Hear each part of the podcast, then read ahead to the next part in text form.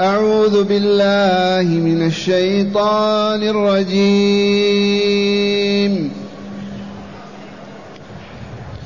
نحن خلقناكم فلولا تصدقون. أفرأيتم ما تمنون؟ أأنتم تخلقونه؟ أم نحن الخالقون نحن قدرنا بينكم الموت وما نحن بمسبوقين على أن نبدل أمثالكم وننشئكم فيما لا تعلمون ولقد علمتم النشأة الأولى فلولا تذكرون أفرأيتم ما تحرثون أأنتم تزرعونه أم نحن الزارعون لو نشاء لجعلناه حطاما فظلتم تفكهون. إنا لمغرمون بل نحن محرومون. أفرأيتم الماء الذي تشربون؟ أأنتم أنزلتموه من المزن أم نحن المنزلون؟ لو نشاء جعلناه أجاجا فلولا تشكرون. أفرأيتم النار التي تورون؟ أأنتم أنشأتم شجرتها أم نحن المنشئون؟ نحن جعلناها تذكرة ومتاعا للمقوين. فسبح باسم ربك العظيم. أحسنت. معاشر المستمعين والمستمعات من المؤمنين والمؤمنات.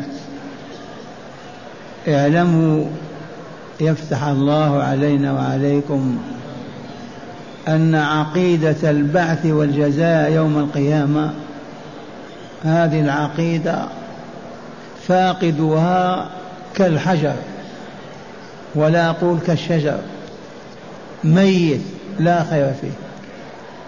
لا يعول عليه في شيء ولا يوثق فيه في شيء.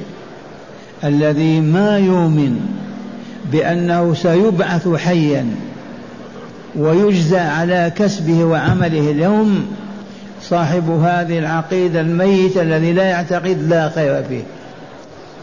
وكان العرب أكثرهم لا يؤمنون بالبعث الآخر والدار الآخرة.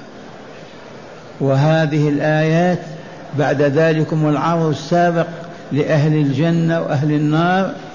الآن سبع أدلة قطعية براهين تقرر أنه لا بد من الحياة الثانية ولا بد من الحساب فيها والجزاء إما بالجنة دار النعيم وإما بالنار دار العذاب الأليم. واسمعوا هذه الأدلة التي بينها تعالى في كتابه. أولا نحن خلقناكم فلولا تصدقون. هم يعترفون بأن الله هو الخالق لهم. ولئن سألتهم من خلقهم ليقولن الله. هكذا وهم مشركون. من خلق السماوات والأرض ليقولن الله. فما دمتم تقولون هذا؟ لما لا تصدقون بالبعث والجزاء؟ والعلة علمتموها غير مرة. أن المنكر للبعث والجزاء يريد أن يعيش على الفسق والفجور والشر والظلم والفساد. ما يستطيع أن يحاسب نفسه أو يعمل خيرا أو يترك شرا لأنه لا يؤمن بالدهر الآخرة. ثم قال تعالى أفرأيتم ما تمنون؟ ذاك المني الذي تصبونه في فروج نسائكم. أنتم تخلقونه ولدا. آباؤكم أجدادكم. من الفاعل؟ الله. إذا هو قادر إذا على أن يخلقكم مرة ثانية. ما خلقكم المرة الأولى في أرحام أمهاتكم؟ لما يعجز عن خلقكم مرة ثانية؟ أفرأيتم ما تمنون؟ أأنتم تخلقونه أم نحن الخالقون؟ الله هو الخالق. إذا هو قادر على أن يخلقنا مرة ثانية من أجل أن يحاسبنا على كسبنا اليوم ويجزينا عليه. إذ هذه علة الحياة. كما علمتم علة هذه الحياة العمل والثانية الجزاء على العمل. ما خلقنا إلا لذكر الله وشكره. والدار الثانية ما وجدت ولن تجد توجد إلا من أجل الجزاء على العمل فيها. نحن قدرنا بينكم الموت. دليل آخر. قدرنا بينكم الموت وما نحن بمسبوقين. الموت فينا من يضمن نفسه لحياة لو تجتمع الأمة كلها على أن تضمن الحياة الإنسان يتم تتم الحياة؟ والله ما كان. من خلق الحياة أو خلق الموت؟ الله. الله عاجز على أن يخلقكم مرة ثانية. نحن قدرنا بينكم الموت وما نحن بمسبوقين على أن نبدل أمثالكم وننشئكم فيما لا تعلمون. لو غدا كل مولود يولد خنزير. من يرده؟ من الغد. أيما مرأة في رحمها جنين هو قرد أو خنزير. من يقول لا؟ من يقدر على أن يرد ذلك؟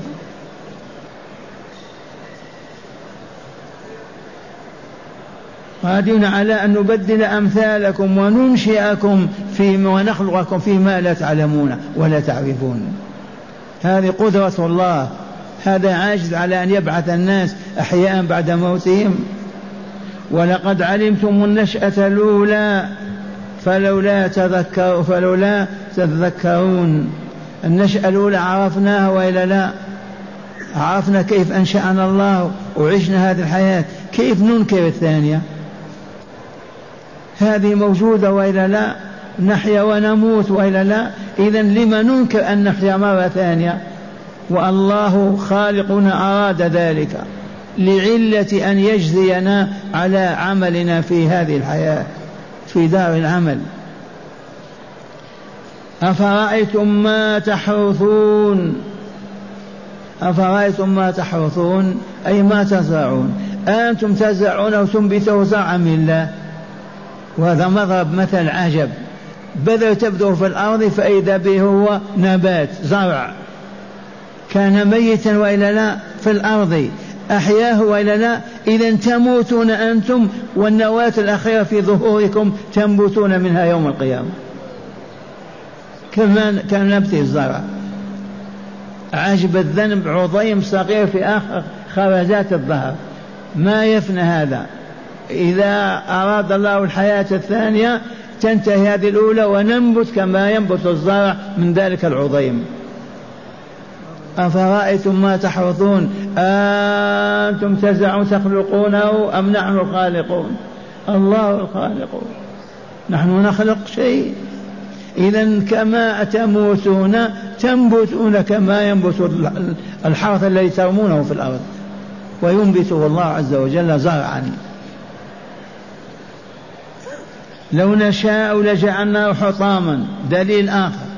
لو شاء الله كلما يكبر الزرع يجعله يابس حطام ماذا تصنعون؟ عندكم قدرة على غير ذلك؟ والله ما تستطيعون. كلما ينبت الزرع يخضع ويقل ويصبح قريب أن يؤكل يحترق. يتحطم ويبس ذي قدرة الله ورحمته وإفضاله. كيف تنكرون لقاءه يوم القيامة؟ لو نشاء لجعلناه حطاما. فظلتم تفكهون متعجبين. ثم تقول نحن مغرومون هذا عذاب. عذبنا الله حرمنا زرعنا حرمنا فعلنا وكذا وكذا. طول النهار تتكلمون. كهي عادتنا. فظلتم تفكرون إنا لمغرمون. لا لا بل نحن محرومون. من حرمكم الله؟ إذا آمنوا به وبلقائه واعبدوه ووحدوه ولا تعبدوا الأصنام والأوثان معه. من الأدلة أفرأيتم الماء الذي تشربون؟ ما هو شيء بعيد يخفى عليكم. الماء الذي تشربون. من أنزله من المزن من السماء والسحاب. آباؤنا السحر الشياطين من أنزل الماء؟ ولو نشاء لجعلناه أجاجا ملحا مالحا ما تستطيعون شربه والله ينزل ملح. لما ما تشكرون هذه النعمة؟ هذا الماء الذي تشربون أنتم خلقتموه أنتم أنزلتموه من السماء أنتم خلقتموه فيها أنتم جعلتموه عذبا وحلوا. لو شاء لجعله مرا هكذا أفرأيتم الماء الذي تشربون؟ أأنتم أنزلتموه من المزن أم نحن المنزلون؟ لو نشاء لجعلناه جاجا. ملح أشد ملوحة فلولا تشكرون الحمد لله. فهل لا تشكرون؟ الله على نعمته. قولوا الحمد لله الحمد لله الحمد لله. ومن الأدلة أفرأيتم النار التي تورونها وتوقدونها؟ هذه النار. أنتم أنشأتم شجرتها؟ نحن خلقنا النخل والزرع والنباتات والأشجار وجعلنا فيها النار. منين النار يرحمكم الله؟ من الفحم. والفحم منين؟ من الخشب وإلا لا؟ منين هذه النار؟ نحن أنشأنا شجرة خلقناها. آباؤنا خلقوها. لا خالق إلا الله إلا فهو قادر على أن يبعثنا من جديد بعد فناء فنائنا ليحاسبنا ويجزينا. أدلة عجب. كلها تقرر مبدأ الحياة الثانية. لا بد من البعث والجزاء على كسب الدنيا. أفرأيتم النار التي ترون أأنتم أنشأتم شجرتها أم نحن المنشئون؟ الله هو المنشئ لها الخالق لها. ثم قال تعالى نحن جعلناها تذكرة. النار والله تذكرة. أنت تؤمن بالعالم الآتي وإلا لا؟ الجنة والنار. تعرف عن النار شيء؟ تشاهد يوميا. كلما تشاهد النار تعرف أن هذه النار هي الموجودة لإلقاء البشرية فيها إلا المؤمنين الصالحين. لو ما فيه نار يقولون ما هي النار هذه التي تهددنا يا محمد وتخوفنا بها؟ ها أنتم تشاهدونها تذكركم وإلا لا؟ أوقد النار وشاهدها أدخل أصبعك فيها فقط أو ضحى في وجهك. من خلق هذه النار؟ آباؤنا وأمهاتنا. من أوجدها في هذا الخشب والشجر أنتم أنشأتم شجرة أم نحن المنشئون؟ نحن جعلناها تذكرة ومتاعا للمقيم. تذكرة من جهة تذكر بالدار الآخرة والبعث والجزاء فيها والنار الآخرة ومتاعا للمسافرين ينتفعون به في سفرهم. ثم قال تعالى لرسوله صلى الله عليه وسلم فسبح باسم ربك العظيم. أي قل سبحان ربي العظيم. سبح ربك ونزهه وقدسه عن الشرك وما يفعله المشركون من الباطل والشر والفساد. وهنا لما نزلت هذه الآية فسبح باسم ربك العظيم قال النبي صلى الله عليه وسلم لأصحابه اجعلوها في ركوعكم. فكل من ركع ينبغي أن يقول سبحان ربي العظيم سبحان ربي العظيم سبحان ربي العظيم ثلاث مرات. أقل شيء.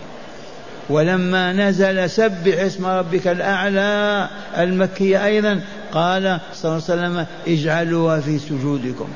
فما يسجد مؤمن ولا مؤمنة إلا ويقول سبحان ربي الأعلى سبحان ربي الأعلى سبحان ربي الأعلى وإن زاد وبحمده فخير أيضا. سبحان ربي الأعلى وبحمده سبحان ربي العظيم وبحمده. أقل ثلاث مرات فالركوع سبحان ربي العظيم والسجود سبحان ربي الأعلى.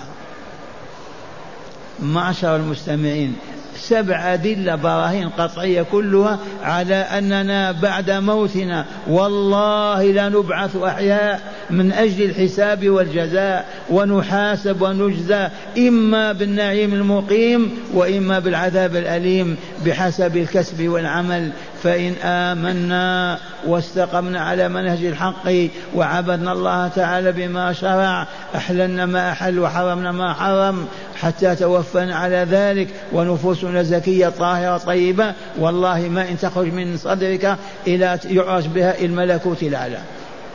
وإن كانت النفوس خبيثة منتنة لأنها نفس المشرك والفاسق والفاجر فإنها عافنة منتنة ما تخرج حتى إلى أسفل الأرض.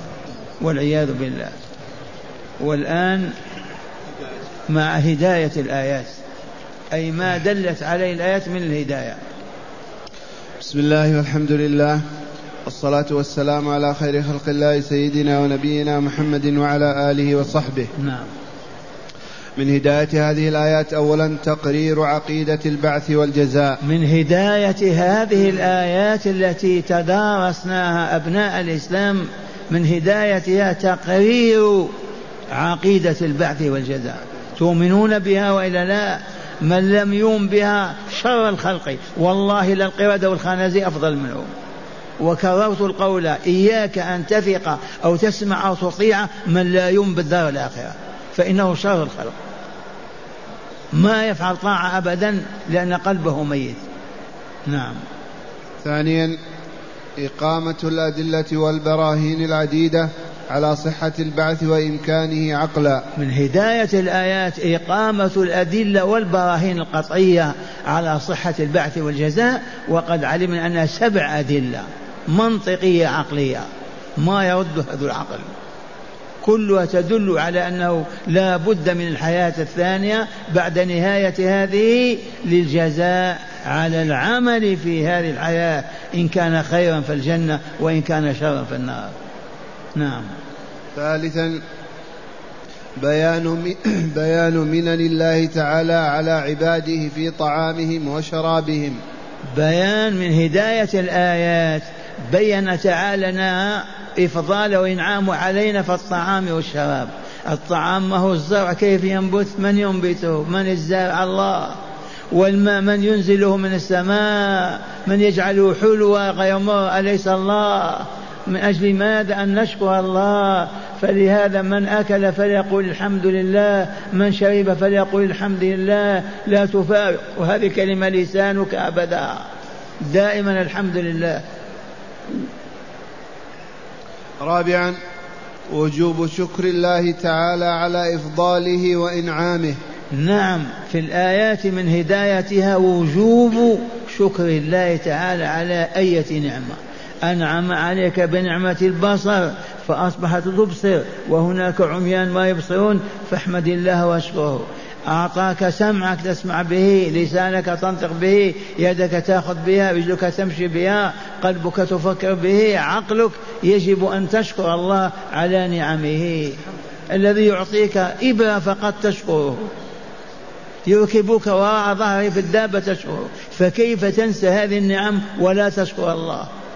يجب أن نشكر الله ليل ونهار ورأس الشكر الحمد لله الحمد لله الحمد لله ثم طاعة الله وطاعة رسوله بفعل ما أمر به وترك ما نهى عنه. بهذا يكون الحمد والشكر.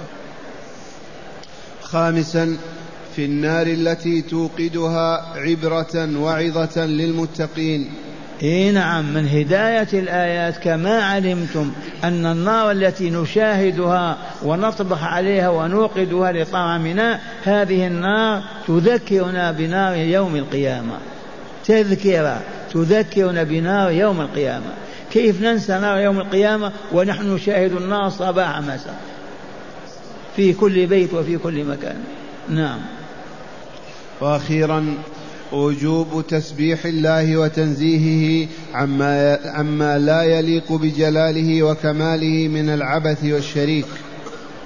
آخر هداية وجوب تسبيح الله تنزيه وتقديسه عما لا يليق به من العجز والضعف من الشرك والشركاء فسبح يا رسولنا باسم ربك العظيم. أمره الله أن يقدس ربه وينزهه عن كل شريك. فسبحان ربنا رب العالمين. وقد علمتم أنه لما نزلت هذه الآية قال للمؤمنين قولوا سبحان ربي العظيم ثلاث مرات في الركوع. ولما نزل سبحان ربي سبح اسم ربك الأعلى قال اجعلوها في ركوع في سجودكم. سبحان ربي الأعلى سبحان ربي الأعلى. فهمتم هذه؟ والغافلون ينسون ويتركون ما تركع ركعة إلا وتقول سبحان ربي العظيم وبحمده ثلاثة على الأقل ثلاث مرات. خمسة سبعة ما شاء الله. سبحان ربي الأعلى وأنت على الأرض ساجد. سبحان ربي الأعلى سبحان ربي الأعلى وبحمده ثلاثة خمسة سبع مرات. هذا ممن يحضرون في الدرس قديما وكبير ومريض والله يشفيه ويعظم أجره.